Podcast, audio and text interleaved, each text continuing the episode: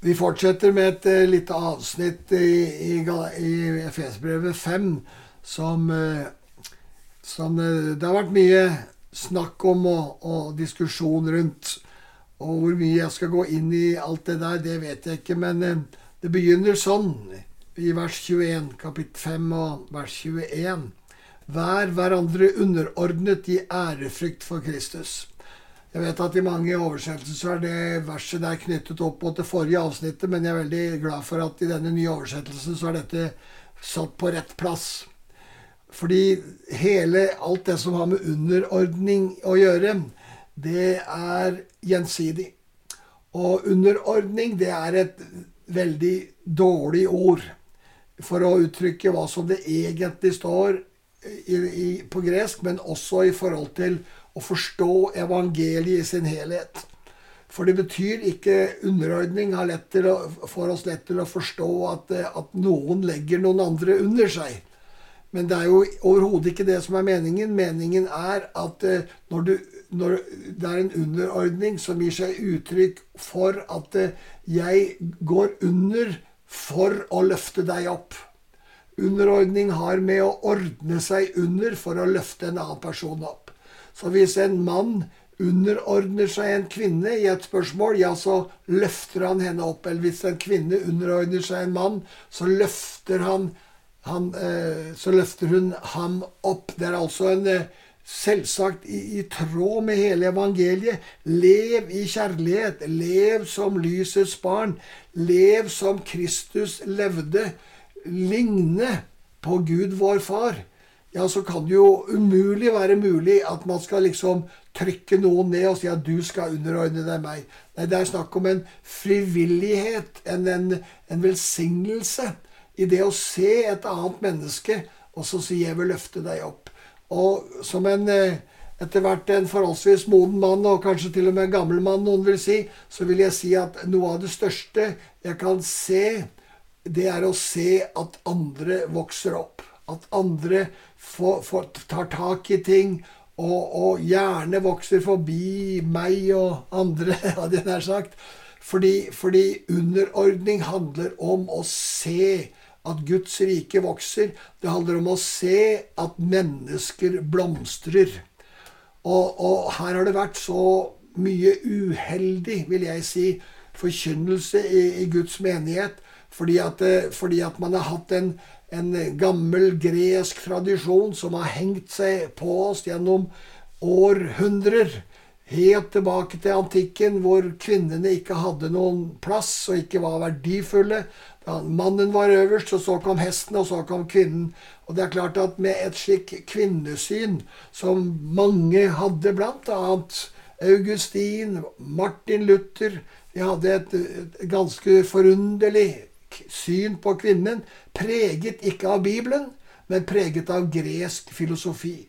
Og det har vi slitt med på så mange områder. Også på synet på seksualitet så har vi vært preget av gresk filosofi i kirken istedenfor av, av det, det bejaende evangeliet på alle disse områdene her. Så så, så, når Paulus begynner å snakke om dette, så snakker han egentlig om mann og kvinne, men det er et annet, noe annet som ligger han mye mer på hjertet. Og han, han snakker om at, at uh, Kirken skal underordne seg Kristus. Og det er klart at vi skal gjøre det, for er, er det noe et, et legeme må gjøre, så er det jo å underordne seg hodet. Hodet er Kristus, og det er det som egentlig ligger i Paulus sin, sin, eh, sitt hjerte når han begynner her å snakke om mann og kvinne selv, om han også har noen synspunkter på det. Også noen synspunkter som sjølsagt er viktige, og kanskje noe av det bærer også preg av den, den tiden hvor, hvor, mann og kvinne hadde så forskjellig rolle. Og hvor kvinnens, synet på kvinnen også i Israel var annerledes. Men vi ser jo hvordan Jesus løfter opp kvinnen. Vi ser hvordan Jesus gir og åpenbarer seg for Maria når han er oppstanden, og gir det sterkeste ord, kanskje nesten i hele Bibelen, eh, til henne, så hun kan bringe det til disiplene. Hvor, hvor, han i Johannes 2017 sier at eh, Gå til mine brødre, For første gang så er mennesker blitt Kristi brødre. Ikke tjenere, ikke disipler, men de er blitt brødre. Ikke engang venner. De er blitt mer. De er blitt, blitt uh, i slektskap. Jesus anerkjenner deg og meg i slektskap gjennom det han sier. Og gå til min far og deres far. Altså Gud er nå blitt som er Jesu far, er nå blitt vår far. Og hvem er det som får bringe dette budskapet? Jo, det er en kvinne. Det er Maria som får lov til å bringe dette budskapet til Peter, Jakob og Johannes. Du ser hvordan Jesus løfter opp kvinnen og setter kvinnen høyt. Og Derfor er det at eh, Paulus her snakker om kjærligheten. Han snakker om at vi skal elske. Han snakker om at mannen skal elske kvinnen, og kvinnen skal også elske mannen, sjølsagt. Men det, så vidt jeg, sånn, sånn jeg tror Paulus tenker, og kanskje han tenker helt rett Han tenker at det er lett for kvinnen å elske mannen. Det er ikke sikkert det er det, men det er i hvert fall slik han kanskje tenker. Derfor sier han at hun skal ha respekt for sin mann, og hun skal eh, løfte opp sin mann. Og kanskje er det slik at vi menn, vi trenger å bli løftet opp. Vi trenger å bli respektert. Vi har et behov et sterkere behov i vår skrøpelighet og vår svakhet i at vi har en kvinne som oppmuntrer oss og løfter oss opp, og som gir oss eh, en plass. Fordi vi kanskje lettere enn noen andre, med det ansvaret som er også gitt oss, blir nedtynget og bekymret. Eh, så har det i hvert fall av og til vært sånn i mitt eget ekteskap at eh, min kone har vært da den som har løftet meg opp og hjulpet meg gjennom vanskeligheter mange ganger. Men når han da snakker om mannen og kvinnen her, så snakker han, så sier han jo Til slutt så sier han Derfor, sier han, skal mannen forlate far og mor og holde, seg, holde fast ved sin kvinne, altså ved sin hustru, og de to skal være én kropp. Her altså sammenligner Paulus plutselig faktisk det seksuelle samleiet med og sier at dette er et stort mysterium. Jeg tenker på Kristus og kirken, sier han. Kristus og menigheten. Akkurat som mann og kvinne skal være ett, slik skal Kristus og menigheten være ett. Vi er altså ikke adskilt, men vi skal være ett. Og vi er jo ett. Og det, det som man bare ønsker å si her, er at, det, at Kristus i oss, Kristus iblant oss. Hvor to eller tre er samlet i mitt navn, der er jeg midt iblant dere, sier Jesus. Altså, det, dette er kanskje den enkleste definisjonen på menighet som Jesus gir oss. Mens Paulus da utvider dette begrepet. Og så, så, for han vet jo at det er ikke bare to, men det er mange. Og så vil han at, de, at, at akkurat som mann og kvinne skal være én kropp, så skal Kristus og menigheten være ett. Og så er vi ett. Han har jo kjøpt oss til å være ett. Han har jo kjøpt oss med en dyr pris for at vi faktisk skal være helt ett med ham. Og det er, det er, det som er så rikt her. Dette er et stort mysterium, sier han. Jeg tenker på Kristus og kirken. Jeg tenker på Kristus og kirken. Altså, Paulus' hjerte er jo at vi, som Guds menighet, skal ligne Jesus at vi som en kropp, en Guds menighet, skal ligne Kristus. At når, at når, folk ser menigheten, så skal de se Kristus. Derfor er det jo en slik en tragedie at det har vært så mye splittelse og mye uvennskap helt på helt unødvendig grunnlag. At det har vært maktkamp, at det har vært sjalusi, at krefter har fått lov å komme inn. Og det er klart, det er det djevelen vil. Han sender Jesabels ånd. Han kjenner åndskrefter, sender kroppskrefter inn for å forstyrre og ødelegge menigheten.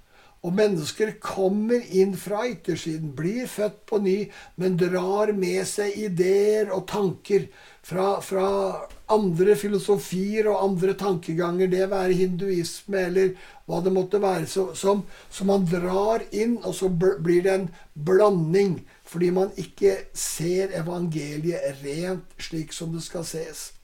Og Dermed så får vi en, et problem. Dermed blir menigheten et sted med kamp og med arroganse, med, med maktkamp og, og, og, alt dette som vi kjenner til.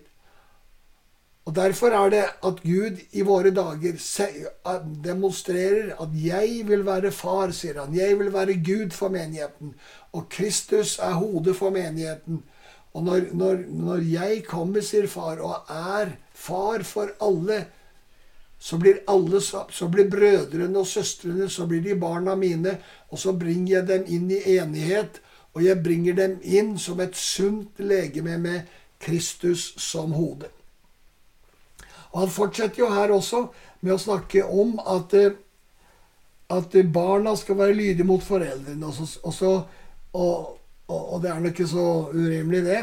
Og så står det i vers 2 du skal hedre din far og din mor. Dette er det første budet med et løfte, så du kan gå dere godt, og du kan leve lenge i landet.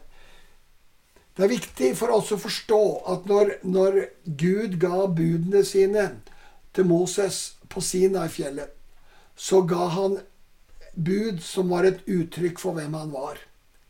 Vi vet Loven er at du skal elske Gud og din neste som deg selv. Men, men han gir også noen konkretiseringer, akkurat som Paulus gjør her. Konkretiseringer av hva er det å elske? Er, hvordan ser kjærligheten ut? Hvordan utfolder den seg? Og akkurat på samme måten så sier Gud, når han gir budene, du skal ikke lyve, sier han. Og da mener han ikke det liksom som et sånn eh, tvangstrøye over mennesker, men han gir uttrykk for hvem han selv er. Du skjønner, jeg er en gud som ikke lyver. Så hvis du vil ha relasjon til meg, så ikke lyv. Jeg stjeler ikke. Du skal ikke stjele. For jeg stjeler ikke, sier Gud. Så buden er et uttrykk for Guds karakter. Han er en gud med integritet. Han er jo sannheten. Og Kristus er jo sannhet. Og når du ser på Jesu liv, så ser du et liv i total integritet, i kjærlighet til Gud og mennesker, som oppfyller loven. Og det er selvsagt så gjør Gud det selv. Far gjør det selv. Han oppfyller loven. Og så sier han gjennom budene at hvis du vil ha relasjon med meg, så er det slik jeg er. Og da må du forholde deg til det. For da vil, du, da vil det gå deg godt. Og sånn er det i forhold til dette med med, med barna. At de skal være lydige. Hvorfor det? Jo, fordi lydighet er en del av det å være en del av Guds familie. Å være et forhold til Gud. Elske Gud. Se hva Gud gjør, og gjøre det han gjør. Og hvis barna gjør det, altså er lydige mot de foreldrene som de har satt her på jorda, altså velsigner dem, ja, Det er jo ikke alltid like lett, for foreldre kan være så mye. Men i den grad, og det er derfor vi også snakket om tilgivelse tidligere For når du har tilgitt dine foreldre, betalt gjelden og skylden til foreldrene, ja, så kommer du inn i frihet. Og så kan du faktisk oppleve, du som ikke greide å ære foreldrene dine, greide å ære mor eller far fordi de gjorde ting så vanskelig, og, ble, og det var så mye synd og elendighet. Så idet du har ettergitt gjelda, så vil du plutselig komme inn i et forhold da du begynner å se ting som du aldri har sett før. Det var ikke riktig så gærent som du trodde allikevel, i hvert fall for en del. Og dermed så kommer du inn i en velsignelse, og det er her Gud gir oss et løfte at hvis vi lever på den måten, ja, så, så, kommer det til å gå godt for oss. Og det er et løfte. Det er et løfte Gud gir oss. Hvis vi gjør, lever sånn som Han sier vi skal leve, og så er det det at pga. synden og alt dette som skjer i verden, så er det forferdelig vanskelig, alt det der. Og så må jeg si litt om det som da står i, i neste vers her. I, i vers 5. For dette kan jo virke, virke, rart for mange. Dere slaver, vær lydige mot deres jordiske herrer, som mot Kristus selv, med respekt og ærefrykt og av et oppriktig hjerte. Det Paulus her sier, det er For noen tenker er Paulus for slaveri? Han kan da ikke være for slaveri og være en, en Gud er da ikke for slaveri. Hvordan kan Gud si at slave skal være lydige? Skulle han ikke sagt at dere slaver Kom ut i frihet. Gjør opprør. Nei, da, Paulus gjør ikke det. Tvert imot. Men er derfor Paulus for slaveri? Slett ikke. Hvis du ser på Galaterbrevet 3, 28, så sier han her er ikke jøde eller greker. Og vi vet, vi har akkurat sett på den samme, at, at Kristus brakte jøder og grekere sammen. Grekere er jo et bilde på hedninger. Her er det ikke jøder eller grekere, trell eller fri, mann eller kvinne. Alle er ett i Kristus. Han gjentar det samme i, i Kolossebrevet. Med andre ord, Paulus ser. For Paulus er visjonær. Han er en profet. Og han vet at hvis jeg går imot slaveri og ber slavene om å gjøre opprør og komme ut i frihet, ja, så vil all kampen gå på det kjødelige området i kampen for, for eh, en sosial rettferdighet. Som Paulus er for, men som ennå ikke. Ennå ikke. Derfor sier han i sin visjon her er ikke slave eller fri. Vi er ett i Kristus. Og er vi ett i Kristus, så er det klart, da er vi ikke noen slaver og noen frie. Men for at evangeliet ikke skal bli ødelagt, og evangeliet som har kraften i seg til å fjerne slaveriet, som har kraften i seg til å fjerne eh, undertrykkelsen av kvinnen, som har kraften i seg til å bringe alle inn i ett, slik at vi som Kristus kan være også opp til en modne mann. Og da kan du ikke slåss for de sosiale rettferdighetene først, men du må se at mennesket blir forvandlet først. Jeg husker eh, under Jesusvekkelsen så, så var det jo en veldig kamp mellom Mao Zedong og hans røde bok på Dette er tidlig på 70-tallet. For veldig mange unge mennesker gikk rundt med Maos eh, røde bok og leste disse ideene, disse kommunistiske ideene hans. En liten rød bok. Og så husker jeg at vi, da, når vi forkynte evangeliet, det vi sa at, at kommunistene sa nå Mao, de vil gi mannen en ny kappe. En ny frakk, sa vi. En ny frakk. Men så sa vi, men Kristus, sa vi, Jesus, han vil gi mennesket en nytt hjerte, et nytt menneske inne i mennesket. Altså Kommunistene ville lage en, sette, gi, gi, skape en ytre rettferdighet, mens, mens kristendom er at, det, er at det, det, skapes en indre drivkraft i et menneske som blir født på ny. Og så begynner det å ville og å virke til sin rettferdighet. Og slik er det altså at uh, Paulus ikke direkte går imot slaveriet, men indirekte sier det kommer. Det kommer. Og slik er det også vi lever i dag, i et mørke. Men det kommer. Og så skal vi se litt på det i, i, i neste omgang. Og så avrunder vi denne, denne, denne saken her med å huske på at det er et stort mysterium at vi i Kristus Jesus og menigheten, vi er ett. Og vi skal få lov å leve i den enheten i ham, i fars omsorg og kjærlighet.